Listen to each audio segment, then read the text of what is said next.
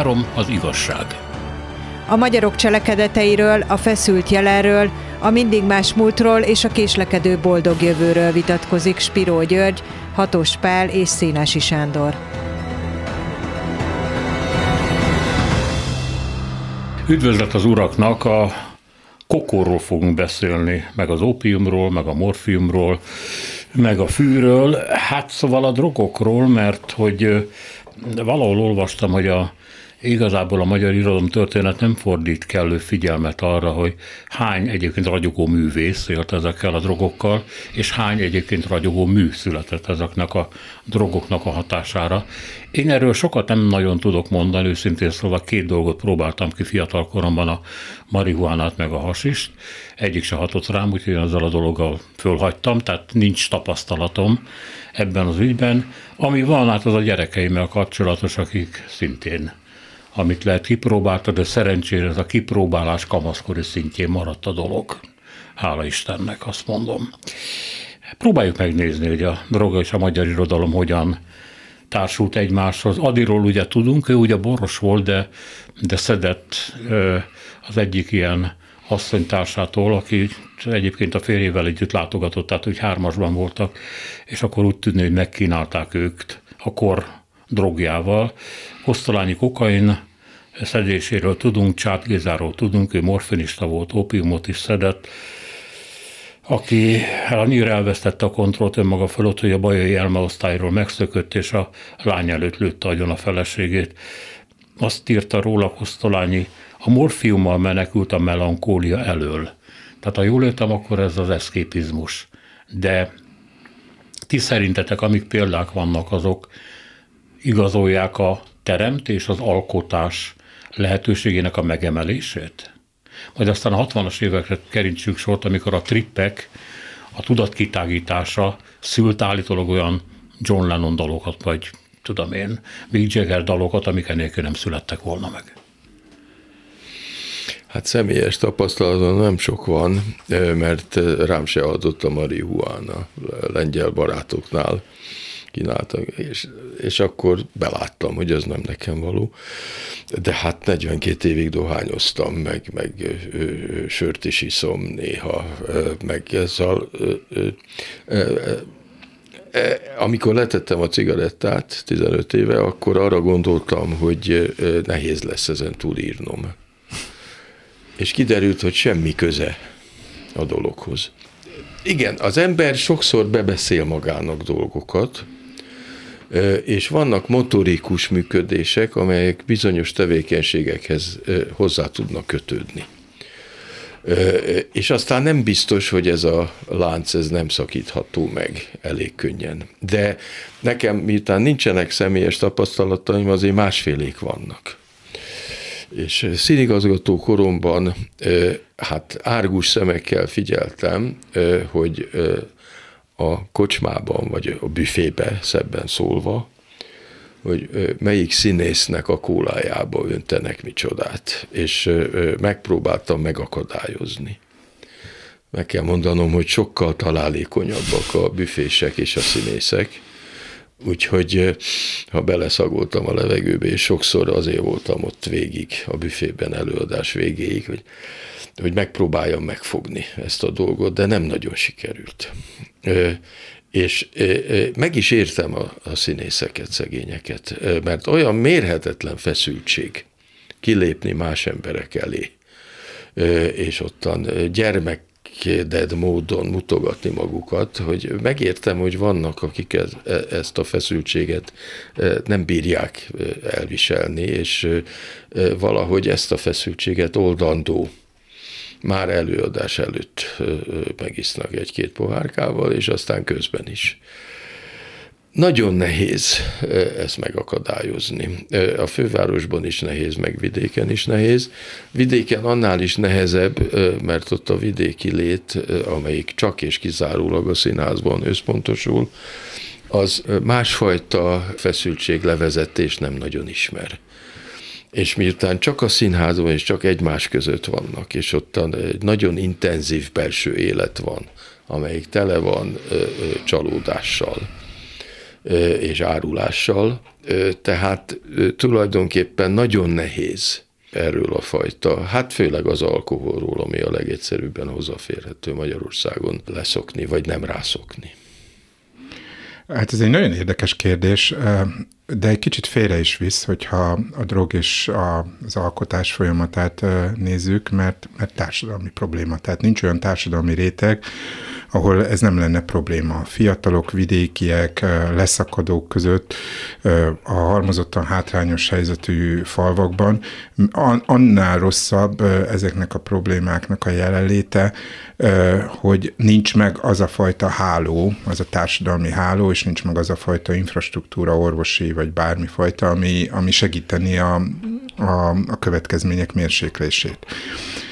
Ezt előre bocsájtva, Hát ez egy örök vita, hogy a mámort meg kellett teremteni, vagy az alkotás állapotába hogyan lehet eljutni, és hogy kell ehhez valami fajta fokozó dolog. Eszembe jut Szegfű Gyulának a levele Horváth Jánoshoz, aki ugye egy józan ember volt, hogy hát leírja, hogy Babicsal egy nagyon jót beszélgettek, Ugye a történetíró Szegfű Gyula ekkor, ekkor futott be a, a három nemzedékkel, és mint, mint ellenforradalmi hős. Babicsot egyébként ö, ö, meg éppen szilenciumon volt, de lehet, hogy csak néhány évvel korábban azt mondja, hogy egy nagyon rendes ember, és ugyanolyan rendes magyar, mint mi, hiába vádolják bármi. Egy hibája van, nem szereti a bort.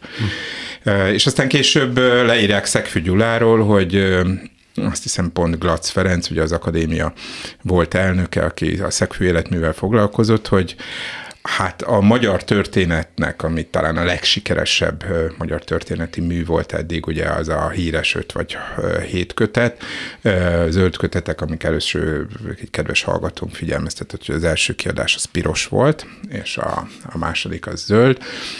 Szóval, hogy ezek nem születtek volna meg az zöld üvegekben lévő piros bor nélkül, tehát, hogy ott volt a, a napi egy liter, vagy legalábbis két-három palacnyi bor, és, és hát ugye Szegfű aki megélte a 70 évet, de elég betegen, már az 50-es évek korától ugye vesebajba szenvedett, ez nem drog, ez társadalmilag elfogadott volt, mint ahogy ma is az alkoholfogyasztás társadalmilag sokkal inkább elfogadott, mint, mint a drog. Ami nagyon érdekes, ugye említetted a kosztolányi csát dolgot. Hát ugye a nyugatnak az 1919-es késő őszi számában jelent meg a Gézáról szóló ö, nekrológ, amiben hát feltűnő részletességgel ö, írja le Kosztolányi a csát ö, betegségének az elhatalmasodását, és az, amit ö, idéztél, az épp úgy helytálló, hogy valami elől menekült, eszképizmus, a melankólia ellen, mint az, amit többen osztanak, kíváncsi vagyok Gyuri véleményére, hogy hogy az első, a varázsló kertje a szecessziós líraiságával még igazi remekmű volt, de Mihály rátért, és 1910-től 23-24 évesen a morfiumra, onnantól kezdve kiszárad az alkotó élet és az alkotó kedv csátból. Egyszerűen el is kedvetlenedik az írástól, és ezt is, ezt is leírja Kosztolányi a, ebben, a, ebben a műben, és ameddig nem jelent meg ugye Arany Zsuzsának a Kosztolányi nagy monográfiája, addig azt gondoltuk, hogy hát Kosztolányi egy igen pozitív szerepet játszott hogy ebben a dologban, és ő nem volt érintett, és hát ugye ott van a hajnali részegség, ahol a kávéról beszél, meg az izgatja szívem 40 cigarettán, Hát nem csak az izgatta, a kokain is izgatta, és valószínűleg rendszeresen élt vele, nem valószínűleg, szinte biztos a 20-as, 30-as években, és ugye a felesége emlékiratai vagy visszaemlékezéseiből tudjuk, hogy egyszer felfedezte. Tehát titokban csinálta, és ennek voltak következményei, amikor Velencébe voltak, Olaszországban voltak, és nem volt nála a szer, akkor, akkor, akkor az egész ugye nyugtalan lett, ingerült lett, nem tudták a családi nyaralást élvezni. Tehát magát Kosztolányit is, ha nem is vitte el a kokain függősége, biztos, hogy teljesen a rabszolgájává tette, ennek már a korban is megvoltak a, a, a volt a jelentősége, és az is biztos, hogy nem véletlen, hogy a 20-as, 30-as évek kosztolányiról beszélünk, mert, mert az első világháború után robbant be igazából ez a probléma, a kokainfogyasztás. Akkor a divat, igen. Főleg a kokain, ami, hát gondolom akkor is, de ma is a gazdag. Tehát a jól szituált embereknek a szere, mert hát nem egyszerű hozzájutni. Nem Kosztolányi írt valami ilyesmit, hogy csodálkozol a kokainistán, gondolkozzal az okainistán, ugye? Igen. Igen. Tehát ő azt mondja, hogy ennek a dolognak van oka. Nem egyszerűen szórakozás. Mintha munka lenne, amit föl kell vállalni valaminek az érdekében. Jó, hát vannak teljesítményfokozók, és a kokain nyilván ezek közé tartozik, és vannak feszültségcsökkentők. És az alkohol azért inkább a feszültség csökkentésre jó, főleg a sör. Magyarországon ezt nem sokan tudják, a magyar nem borívó nemzet volt, hanem a borra rá kellett nevelni, mert ideológiai kérdést csináltak belőle, ugyanis a német lakosság, amelyik itt a városi lakosságnak elég sokáig a többségét adta, azok sört ittak. Annyira, hogy a, a 19. század közepéig itt a sörcsarnokok voltak a népszerűek Budapesten is, és más vidéki városokban is. És ezek olyanok voltak, mint Münchenben, vagy akár ezek a hatalmas, két-három ezer fős sörcsarnokok, és külön, és hát a sörgyártás sokkal előbb kezdődik Magyarországon tulajdonképpen, a tömeges sörgyártás, és nagyon jó minőségi sört csinálnak, általában a Dunavízből, illetve aztán a, a kőbányai tárolás miatt ott rájönnek az ülői úti sörgyárba, hogy, hogy jobb, hogyha kútvizet használnak. De ez ideológiai különbség lesz, hát meg Petőfi, aki a bordalokkal kezdi, ugye nem nagyon bírta, és nem nagyon fogyasztotta az alkoholt, tehát ő nem, antialkoholista nem volt, de egyáltalán nem volt a rabja aminek inkább a rabja volt sok évtizeden, meg évszázadon keresztül az európai elit, az az ópium. Uh-huh. És hát a de Quincy-nek ugye a, a, van is erről egy könyve, egy elég korai könyve, az ópium szívó tapasztalatairól, és inkább ebbe, illetve a dohányba, a dohányba halnak bele a dohány az nem volt világos, hogy az, az egészségre káros, az ópiumról se volt világos, és rettentően sokat hasz. De hát a has is, meg ezek a megfelelő rettenetes angol italok, amelyek ma már be vannak tiltva, ezekről nem tudták, hogy milyen egészségügyi kárt okoznak, és hát ezekkel bőven éltek már a romantika előtt is, és aztán a romantika után pláne. Nem véletlen, hogy nem sokáig élt Balzak sem, meg a többiek, akik hát éjjel-nappal kávéztak és cigarettát, itt, itt, cigarettáztak, az bőven elég ahhoz, hogy az ember hamar feldobja a talpát. Na most én ismertem néhány jelentős tehetséget, akik rabjai voltak az alkoholnak. És nagyon érdekes, hogy milyen különbözőképpen tud ez hatni az alkotóra.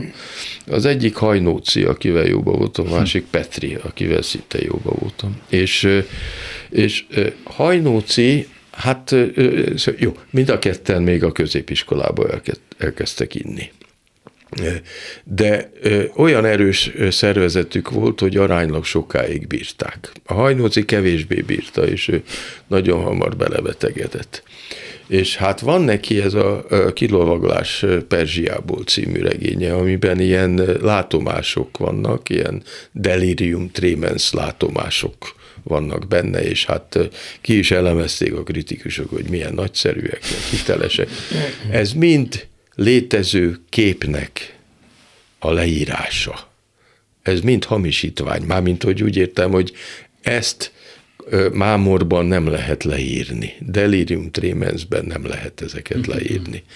Na most a Petri pedig, aki nem alkoholista verseket írt, hanem rendkívül racionális verseket, sőt fokozottan racionális verseket,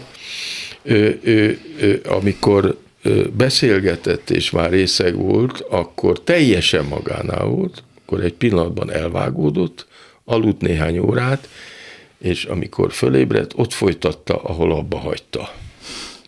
Tehát ő tulajdonképpen nem is volt részeg, amikor írta a műveit, hát azt azon kívül írta. De valószínűleg az, a, a, a hajnóci is. Na most én ezen eléggé elgondolkoztam, és arra gondoltam, hogy a műalkotás létrehozása az olyan mértéktelen fegyelmet kíván, és olyan fantasztikus koncentrációt kíván, hogy azt mámoros állapotban nem lehet létrehozni. Tehát éppen ellenkezőleg van a dolog. És amikor az ember olvassa például József Attilának az utolsó verseit, hát azokban nem, hogy nyoma nincs bármiféle elmebajnak, hanem ellenkezőleg. És ebből gondoltam én, hogy mindez humbug, tehát, hogy egyáltalán nem volt ideg és elmebeteg József Attila, hanem csak hát a körülmények rosszul jöttek össze. De és hát nem nagyon, az életet. Nagyon-nagyon sokan gondoltak, hogy el lehet, elő lehet állapítani egy olyan állapotot, amiben tehetségesebbek vagyunk, mint józanul, mert hát nézzük meg, vagy pár nevet itt kiírtam. Jack Kerouac, rengeteget ír a drogokról. Nem mondja, hogy ő használja őket, de nagyon-nagyon ismeri. Huxley, ugye ő, ki, ő kipróbálta az LSD-t és a meszkalint. Itt van Hunter S. Thompson, hát ezt mondani se kell, ugye félelem és reszketés, abban minden benne van, amit akarunk. Baróza mesztelen ebédje, amit állítólag drog alatt írt, és azt mondta, hogy később, hogy nem emlékszik rá. A dolog zseniális, tehát akkor mégiscsak működik ez valamiképpen. Ken Kesey, LSD mámorban írta a száll a kakukfészkében, legalábbis ő is ezt mondja, és nem emlékszik rá. Tehát, hogy, hogy mit írt akkor. Stephen Kingot megmentették, egyébként ő kokainista volt. Ő a Cuyo című, vagy Cujo, hogyha ezt egy spanyol szónak veszük című könyve írását eh, végezte el eh, kokain vagy válium hatás alatt, és ő sem emlékszik. Hát csak mondtam pár ilyen példát, ami kicsit üti azt, amit mondasz. Hozzá eh, kell tennem, hogy hát eznek a nagy része humbug, de az lehetséges, hogy az ember olyan különleges állapotba kerül, akár valamilyen szer által, akár azon kívül, amiben hirtelen olyan képek és olyan asszociációk jelennek meg, amelyek normális állapotban nem. Ezt elő lehet idézni akkor is, hogyha az ember semmiféle szert nem használ. Ezt elő lehet idézni akkor, hogyha az ember észreveszi, hogy lefekvéskor, illetve ébredéskor van egy ilyen átmeneti időszak, amikor hirtelen létrejönnek ezek az agyi kapcsolatok, azt gyorsan le kell írni, ezt, ezt szoktam leírni, mert egyébként elfelejti az ember. Na most azt nem tartom elképzelhetőnek, hogy valaki akármilyen mámorban alkotni tudjon. Hát én láttam elég sok rendezőt meg színészt működni, mámorosan nem tudtak dolgozni. És miután az alkotó munka az mindenféle műfajban nagyon hasonló, tehát azon kívül kell létrehozni a művet, és nem magában a mámor. A mámor felszabadíthatja azt a képzelőerőt, bátorságot adhat olyasmit alkotni, amire normális ember nem szokott vállalkozni. Hát igen, és a névsort folytathatnánk, tehát hogyha Ken Kesey, vagy, vagy ugye Stephen King, vagy, vagy Jack Kerouac, akkor hát az egyik első az Ernst Jünger a német író, aki hát egy teljesen más eh, háttérből érkezett az LSD-hez, ami, amiről hát gyakorlatilag egy németes precizitással ír, eh, és eh, még azt is mondja, hogy a meszkalinhoz képest ez egy ilyen házi macska, míg az, az a leopárd, és 104 évet élt. 104 évet élt, de ő ahhoz a generációhoz tartozott, aki megszökött otthonról, akinek elege volt a boldog békeidőkből, és aki dicsőítette a háborút, az első világháborút, eh, ahol számtalanszor megsebesült. Tehát eh, a, a drogok 20. századi kultuszának van egyfajta van egyfajta lázadás jellege a korlátok közé szorított életnek, amely egy jól berendezett liberális polgári élet egy szekuláris társadalomban, amelyből eltűnt az izgalom, eltűnt a veszély, eltűnt az igazi heroizmus. És ezt tudja pótolni Részben ez, ez mutatkozhat csát, vagy akár kosztolányi drogos tapasztalatai mögött is, és ez mutatja azt, hogy a drognak kultusza lesz. Tehát, hogy ugye Kosztolányinál ott van a mérgek litániája, ahol leírja a koffeintől elkezdve a dohányig. És Várj, akkor... gyorsan el is mondom, jó? Mert én fölírtam. Az opium volt az első ideálom, egy mondat. Szeretem a táplálós gyilkos arzént, a koffein nyugodt, komoly barátunk, a veronál a vénygyermekek tadája, a morfium az örök éjszaka, az alkohol gyógyítja életünket, ezt a fekélyes óriás sebet. Igen, és ugye mind szeretem, így kezdődik, és ők is szeretnek engem. Így végződik. Tehát, hogy ugye megszemélyesíti gyakorlatilag a tárgyat. Ezek a versek, vagy ez a vers, ez biztos, hogy túl van jón és rosszul. Tehát, hogy ez az irodalomnak, a, vagy az esztétikának, vagy az élet esztétikai megélésének egy olyan fokozata, amikor, amikor nem beszélünk etikáról, nem beszélünk erkölcsről, nem beszélünk arról, hogy Kosztolányinak az édes anyanyelv az egyfajta társadalmi felelősségvállalás, hogy a vérző Magyarországban megsiratja ugye a Trianonban megcsonkított hazát, hogy van egy családja, van felesége, hanem, hanem hanem ez egy bűnös vallomás, ahol, ahol eltűnik a bűn, ahol, ahol, ahol tulajdonképpen azok az ösztönök szabadulnak fel, amelyet a legelemeibb erkölcsi vagy nevelési ö, ö, tapasztalatok már megtiltanak. Hát van, vannak is erre ilyen szakpszichológusi vagy pszichiáteri elemzések, amely ugye az anya-gyerek kapcsolat hiányosságára utal, ugye Kosztolányi ugye az anyagyilkosságot is többször ö, ö, megregéli, ugye gyakorlatilag jóvá hagyja, jóvá hagyatja Szenekával a Néró a véres költőben, bizonyos értelemben az édesanyja Anna is, édes Anna, édes anya, ő is egyfajta gyilkos, és ne felejtsük, hogy a csábítóját Patikárius Jánosnak hívják, tehát hogy, hogy van egyfajta drogos a drognak, mint gyógyszer szempontjából a kosztolányi életműben, és ugye a Szondili pótféle elemzés szerint ugye hát nem véletlen, hogy valakinek a, a, a, az, ami, ami munka volt, az a betegsége is lesz, és ennek van egyfajta transgenerácionális áthozatala. Tehát a kosztolányi családban biztos, hogy ez egyfajta egyfajta terheltség volt, hogy, hogy ugye a Brennerágon patikusok, gyógyszerészek voltak az ősök, ez is benne lehetett. Én azért azt mondanám, hogy, hogy, hogy valóban ez a fajta keretek elleni lázadás, illetve hát akár a háború nyomasztó tapasztalata. Három az igazság. Spiro Györgyel és Hatos Pállal a drogokról, mármint a irodalom és a drogok kapcsolatáról, tehát előttünk most éppen nincsen semmi. Egy másik korszakot ajánlanék a figyelmetekbe.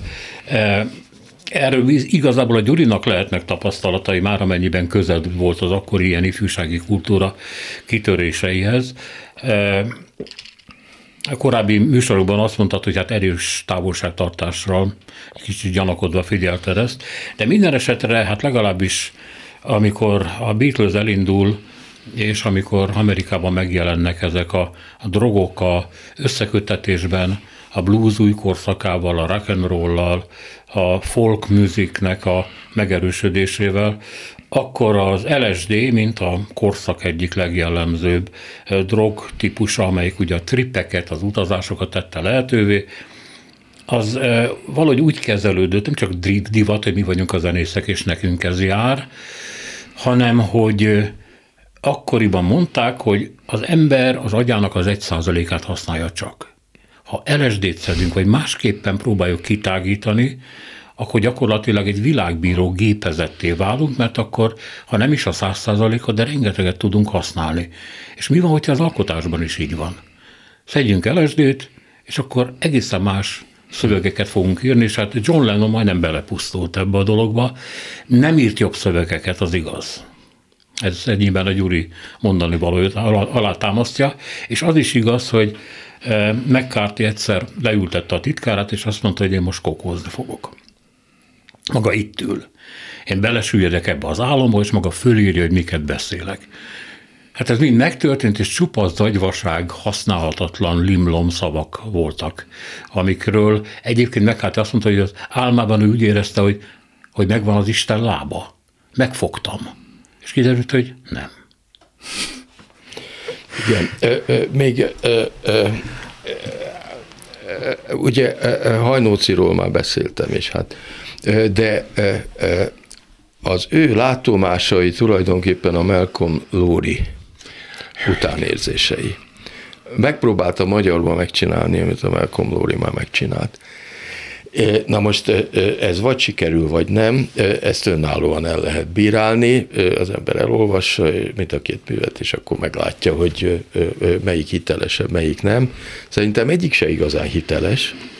Az igazán hiteles mű erről a, a mámoros állapotról egyet ismerek én, amelyik erről szól és az egyik legnagyobb műve a 20. századnak, ez a Benjamin Jerofejevnek a Moszkva Petuski című kisregénye. Ezt mindenkinek ajánlom a figyelmébe, mert kevés ilyen remek művet írtak a világirodalom történetében. Ez arról szól, hogy valamikor a 1960-as években, vagy 70-es években a Szovjetunióban valaki fölszáll a megfelelő pályaudvaron Moszkvában erre a, a helyi érdekű vasútra, és elindul Gorki felé. Gorki, amit hát már nem úgy hívnak, és akkor a fejezetek az egyes megállók nevei. Például van egy olyan megálló név, ami valószínűleg már nem úgy van, Szerb Imólot, ugye a, a Sarló és Kalapács nevű megállóhely, aminek régen volt egy rendes neve, és az illető főhős, aki a monológot mondja, az elkezd inni, és minden állomáson valami mást iszik. De rettenetes dolgokat iszik, és egyre hülyébb lesz, és egyre őrültebb lesz. De miután alkoholra alig van pénze, tehát benzintől kezdve az égvilágon mindent Ezt az orosz iszik. házi pálinkát, a szamagon gondolom. Mindent, igen. mindent, rettenetes. Hát egészen elképesztő, hogy miket iszik össze, és hát totál kikészül a végre. Na most hát nyilvánvaló, hogy a Jerufejev nevű csodálatos szerző az maga is sok mindent kipróbált ebből. De hát ez egy olyan hihetetlen paródiája ennek az orosz kommunista borzalmas létezésnek, amihez semmi nem fogható. Rövid mű, úgyhogy mindenkinek ajánlom a figyelmébe. Na most ez csak a pusztulásról szól. Tehát e, szó nincs arról, hogy itt ez az alkotást bármiben segíteni. Szó nincs arról, hogy ennek a főhősnek a fejében valami építő gondolatok hittelen megjelennének. Ellenkezőleg ez a totális lepusztulás. És hát azt kell mondanom, hogy történelmileg igazolódott. Ennél hitelesebb művet én erről a témáról nem ismerek. Hát én sem tudok ilyen hiteles művet mondani.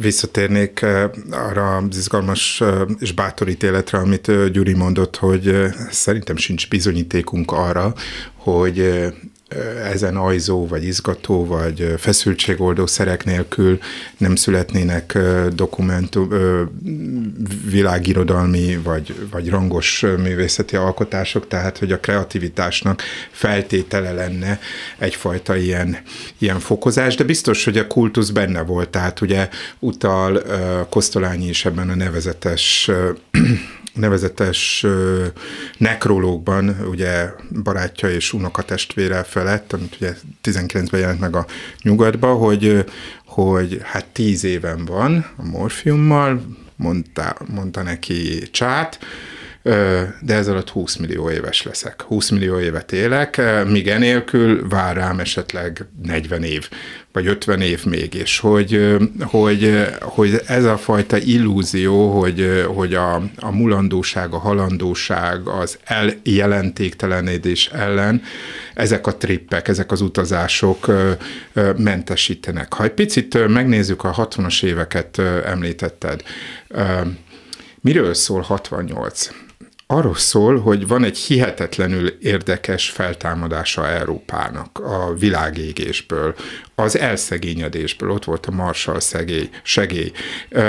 legalábbis a nyugati európai kontinensen, de kisebb mértékben, hát ez mégiscsak a, a vasfüggöny mögött is ö, ö, kigyógyultak, vagy, vagy, vagy tehát a háború utáni szegénység elmúlt. Pont abban az évtizedben, amikor a jóléti társadalom elkezd valóban jóléti társadalomként működni, fellázadnak ellene a fellendeződnek ellene a legfőbb hát haszonélvezői, azok a, a kispolgári fiatalok, akik egyetemre tudnak járni, akik, akik már nem nyomorban nőnek föl, akik nem bombatámadásokkal vagy razziákkal zavarják meg az életüket, akiknek nem kell igazából hosszú katonai szolgálatot tenni. Tehát biztos, hogy benne van az, hogy jó-jó, ha megszületik a tökéletes társadalom, ahol minden évben van 5%-os, 6%-os gazdasági növekedés, ettől még az élet ugyanolyan elviselhetetlen lesz. Tehát az egész beat kultúrának, pop kultúrának a, a, a születése ezzel függ össze. Másrészt azzal, hogy, hogy ezzel a jóléttel egy csomó válasz, ami korábban évszázadokig biztosította a társadalmi kereteknek a, a tartóságát, az, az összeomlik. Már korábban is igyekeztem utalni rá, hogy egészen a 60-as évekig a, a vallásoknak, az egyházoknak egyfajta indiánnyara van. Tehát, hogy Olaszországban, amikor Fellini első filmjei megjelennek, tízből heten rendszeresen misére járnak.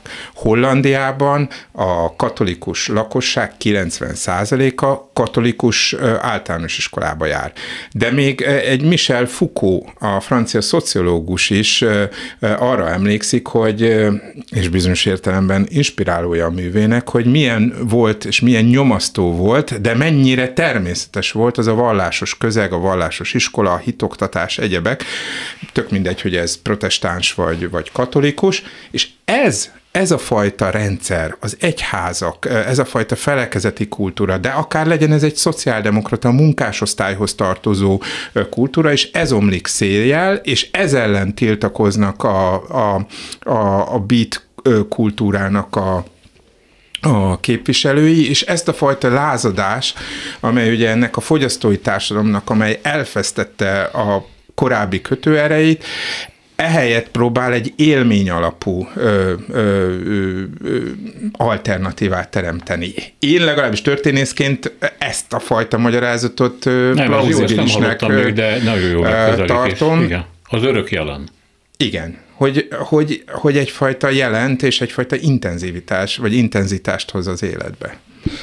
Hát valószínű, hogy János jelenéseinek, illetve hát az ős képnek, Hénok könyvének a látomásai azok azért valódi látomások, azok nyilván egymás állapotban születtek, és ezt a szerző vagy a szerzők meg akik áthagyományozták, azt azért kipróbálták. Ezek az anyagok, amelyek most elég könnyedén és patikusnál hozzáférhetőek, és hogyha nem úgy hívják őket, akkor valamilyen gyógyszernek az alapanyagai, és akkor úgy hívják őket, azok ismeretesek voltak mindig. Hát a mágubót azt nagyon régen ismerik és terjesztik, és nem kell messzire menni. Hát vannak országok, amelyek csak ebből élnek. Úgyhogy az Ezeknek a használata az nyilván gyógyító hatású tud lenni, hogyha a, a, a fájdalomból és a mindennapi élet nehézségeiből nincsen kilátás, kitörni. Én ezt értem, hogy használják, de itt én szorosan véve csak az alkotásra utalva, lehet, hogy vannak fantasztikus látomások ilyen állapotban, de például nem tudjuk, hogy a Van Goghnak a látomásai bármilyen mámorban születtek Vagy volna. Bosch. A Bosról se tudjuk, meg a Csontváriról se tudjuk, hogy alkoholista lett volna, az fönnmaradt volna, nem volt az és nem tudjuk, hogy lőtte magának valamit egyéb módon, nem lőtt. Tehát ez nem alapfeltétel hogy lehet olyan állapotba jönni, hogy az alkotó az meglássa azt, amire vágyik, hogy meg kell látnia. Én nem látom a szoros összefüggést, ellenkezőleg én azt látom, hogy a személyiséget roncsolja. Nekem sokáig barátom volt, és szobatársam egy rendkívül tehetséges irodalmár, aki 57 éves korára halt bele az alkoholba, és hát egyre lefelé menő pályán mozgott, mert a romboló és roncsoló ezeknek a szereknek a használata az alkotóra nézve. Én elfogadom, hogy van, aki nem lát más kiutat, hát most mit csináljunk? A társadalom nem fogja neki biztosítani, hogy a fájdalmaitól akár lelkiek, akár testiek szabaduljon, úgyhogy akkor szerekhez nyúl, és ezekben a szerekben az a baj, szokták mondani a szakértők, hogy jók hogy hatékonyak. Ú, ezzel kapcsolatban. Ez a igen, igen. Ez a, baj. a 80-as években a Magyar Rádióban voltam, és elküldtek egy ilyen fejtágítóra, amit rettenetesen gyűlöltem, aztán nagyon-nagyon jó volt, mert e, a korban szokatlan módon beszéltek őszintén szakemberek különféle ügyletekről, és egy ilyen drogszakértő, akkoriban ugye a gyerekek a ragasztószert Igen. nyomták, vagy fejükre isztak a műanyag zsákot, ragasztószer, Igen. Igen. És azt mondta, nézzék, hogy mit olvasnak a népszabadságban, az egy dolog. De az, hogyha ezektől az emberektől elveszük a drogot, akkor meg kell kérdezni, hogy mit adunk helyette. És nem tudunk adni semmit, csak egy szürke, kopott, jó esetben unalmas, rossz esetben borzalmas valóságot. Viszontlátásra. A, a 70-es években, ugye New Yorkban még nagyon nagy volt a bűnözés, és akkor a rendőrségben úgy döntöttek, hogy a, a, a legsúlyosabb helyeken, Bronx, meg, meg Queensnek sötét részei, meg Brooklyn, a rendőrség majdnem ingyen fogja a, a kábítószert osztogatni. És le is ment szépen a bűnözés New Yorkban a 80-as évekre. Ha. Emiatt. A legnagyobb fogyasztói a bolíviai kábítószernek a New Yorki rendőrség volt. Ali? Én visszatérnék a, arra, hogy ugye Magyarországon ugye ezt Kerepeszki Robert Debreceni történész írta meg, nem is olyan régen, volt egy nagy visszhangot kiváltó eset, egy fiatal arisztokratának a kokain túladagolása, illetve hát ott más is történhetett. Ez Köves Jenő Báró volt, aki egy német származású hadsereg parancsnoknak, Köves Hermannak volt a fia, és maga is részt vett fiatalon a, az első világháborúban 20 pár évesen, és 30 évesen, tehát 1928-ban vagy 29-ben történt ez a haláleset, és ennek kapcsán járták végig, hogy ezt az egész kokain fogyasztást, és ugye ennek meg volt a lokalizációja is. A Terézváros volt, az Ó utca környéke, az Icsi Jenő utca környéke, ezek ugye a prostitúcióhoz is kapcsolódtak, ezek a kokain szeánszok, ugye Megnőtt a bűnözés önmagában is az első világháború után. Természetesen legyünk óvatosabbak, mert a bűnözés megnövekedés az egy statisztikai dolog, és a statisztikában mit veszünk bele, korábban ö, tolerált magatartásformák kriminalizálódnak, stb. De bizonyos, hogy ugye az elszegényedő középosztályi vagy felső középosztályi társadalom, az a sokoldalú trauma, feldolgozhatatlanság, ezt a bárót ugye monoklisnak hívták, állítólag teljesen csendes volt és visszahúzódó, de hát ezekben a szadomazó orgiákban, amelyek a kokaint kísérték, illetve a kokainnal kísérték, részt vettek. Tehát egyfajta ha az első világháború hatásait akarjuk nézni, akkor igen, megszűntek a frontokon való gyilkolászás egy jó időre, de a háború tovább élt, és, és a bűnözésnek egy nagyon érdekes, többször tematizált, de még mindig nem elég köztudott része volt, ugye ez az arzénes per. A, az arzénes gyilkosságok. Ugye az arzén is egy nagyon érdekes dolog, méreg, egyértelműen méreg, de és a légyülő papírra tett arzén egyébként oldották ki a legszegényebb tiszazugi falvakban, a körőzukban, és gyilkoltak, legalább 162 ilyen esetet bizonyítottak be. Valószínűleg a továbbit azt leállították, a további nyomozást, mert az már a hatóságokra lett volna. Ezek az étető asszonyok? Az étető asszonyok. Hány Gyula. Háj Gyula írt igen, drámát róla. Igen, a, annak idején Háj Gyula ezt meg is írta, sőt ugye ez Berlinben siker, sikert aratott ez a, ez a mű, ö, de nagy valószínűséggel egyáltalán nem korlátozódott ez a dolog a, a Tiszazugra, a Zalában is egyébként, tehát hogy a paraszti társadalomban volt egyfajta dolog, ahogy a mérget erre is használták, bódításra is használták, és gyilkosságra is használták, és és egyfajta omerta övezte. Tehát, hogy nem vallották be, tehát, hogy sem a szenvedők, sem a, sem a tettesek, és még egy nagyon érdekes dolog volt, hogy legtöbbször nők voltak az elkövetők. Nagyon-nagyon, nincs, nincs férfi elkövető közöttük, ami megint az első világháborúra utalhat vissza. Tehát, hogy nem csak a fronton volt szenvedés, hanem, hanem a hátországban is. A nők magukra maradtak egy olyan társadalmi közegben, ahol ők mindig irányítás alatt voltak, és most egy,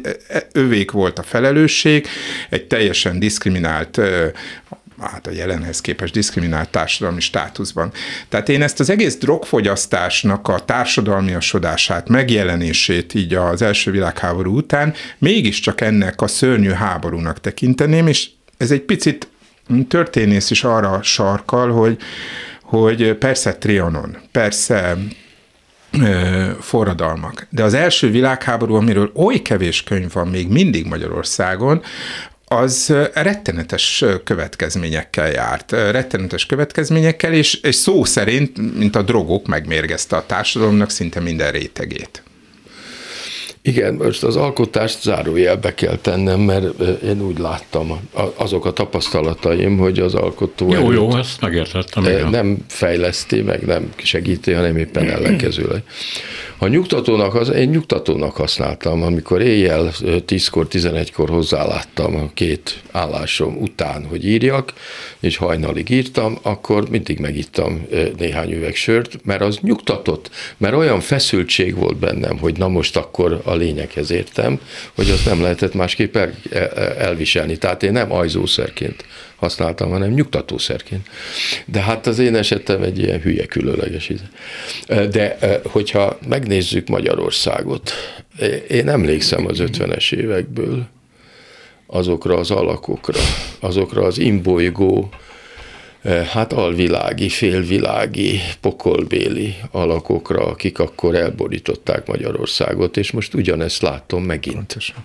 Pontosan. És a kannásbor, hát akkor még nem kannásbornak hívták, Hát azt isszák, és, és amellett pedig azt látom, hogy fiatalok tömegei teljesen bódultan és, és az úttesten életveszélyben imbolyognak itten, és, és, és rettenetes, hogy mi zajlik. Inkább a Szovjetunióra emlékeztet most már engem, mert De ott biztosan van magyarázat arra, hogy miért vannak ilyen erőteljesebb korszakok, mert egyébként a drog, az alkohol mindig az emberi társadalmakkal volt ilyen vagy olyan formában, de ha egyik korszakban fölerősödik, annak van oka.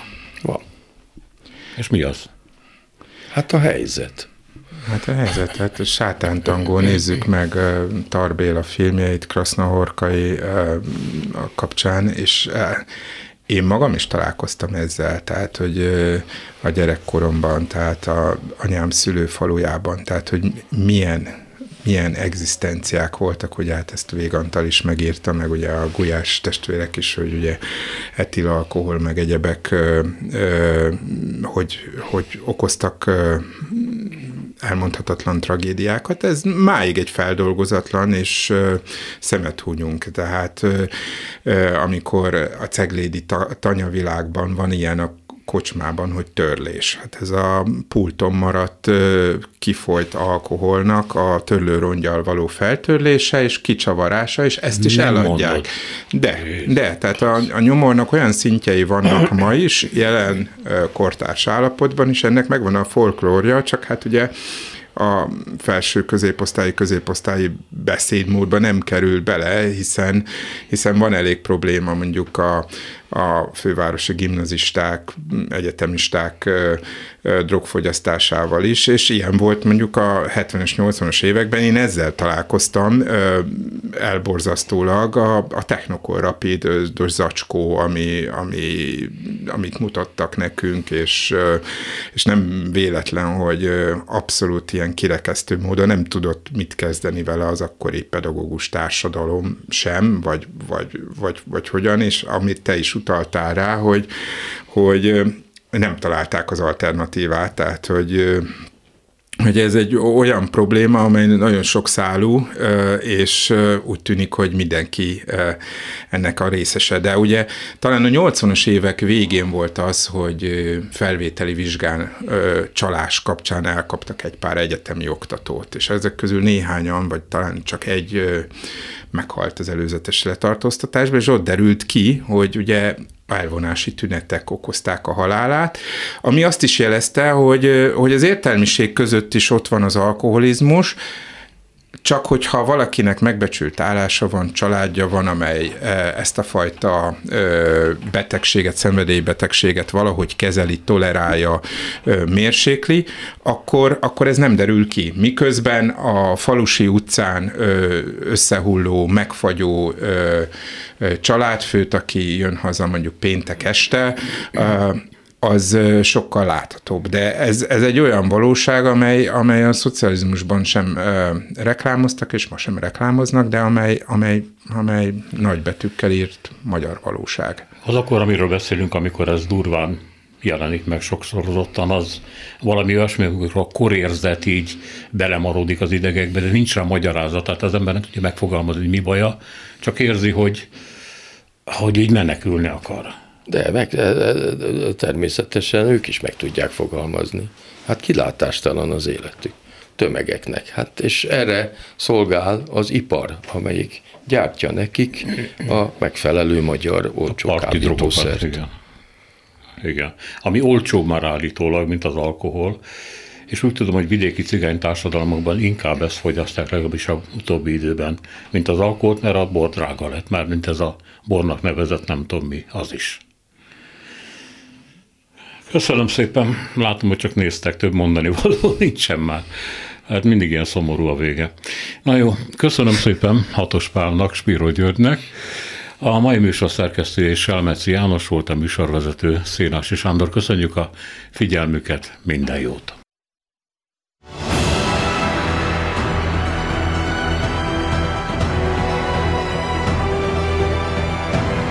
Három az igazság. Szénási Sándor műsorát hallották.